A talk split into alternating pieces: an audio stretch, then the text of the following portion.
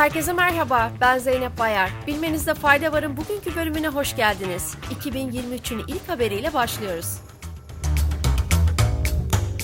Avrupa'da doğalgaz fiyatları iyi giden hava koşullarının etkisiyle Ukrayna Savaşı öncesi seviyelere düştü. Gösterge kontratlar %7,9 gerileyerek 21 Şubat'tan beri en düşük seviyeye indi. Böylece düşüş 3. haftada da devam etti. Avrupa'nın büyük bölümünde hava koşullarının gelecek iki hafta mevsim normalleri üzerinde seyretmesi bekleniyor.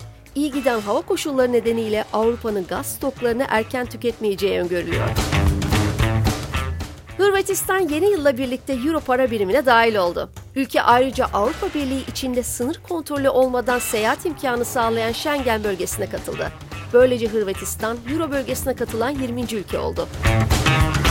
Avrupa Merkez Bankası Başkanı Christine Lagarde, Hırvatistan'ın Euro bölgesine katılmasının Euro'nun cazibesinin devam ettiğine kanıt olduğunu söyledi. Hırvatistan'ın Euro'ya katılmasıyla birlikte Hırvatistan Merkez Bankası Başkanı Boris Vujicic'in katılımıyla Avrupa Merkez Bankası'nı faizi belirleyen yönetim kurulu üyesi sayısı 26'ya çıkacak.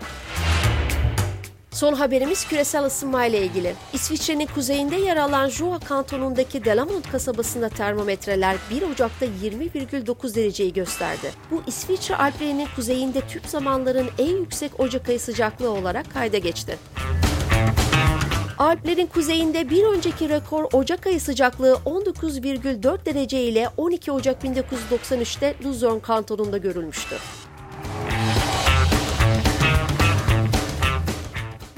Kadar. Yarın görüşmek üzere. Hoşçakalın.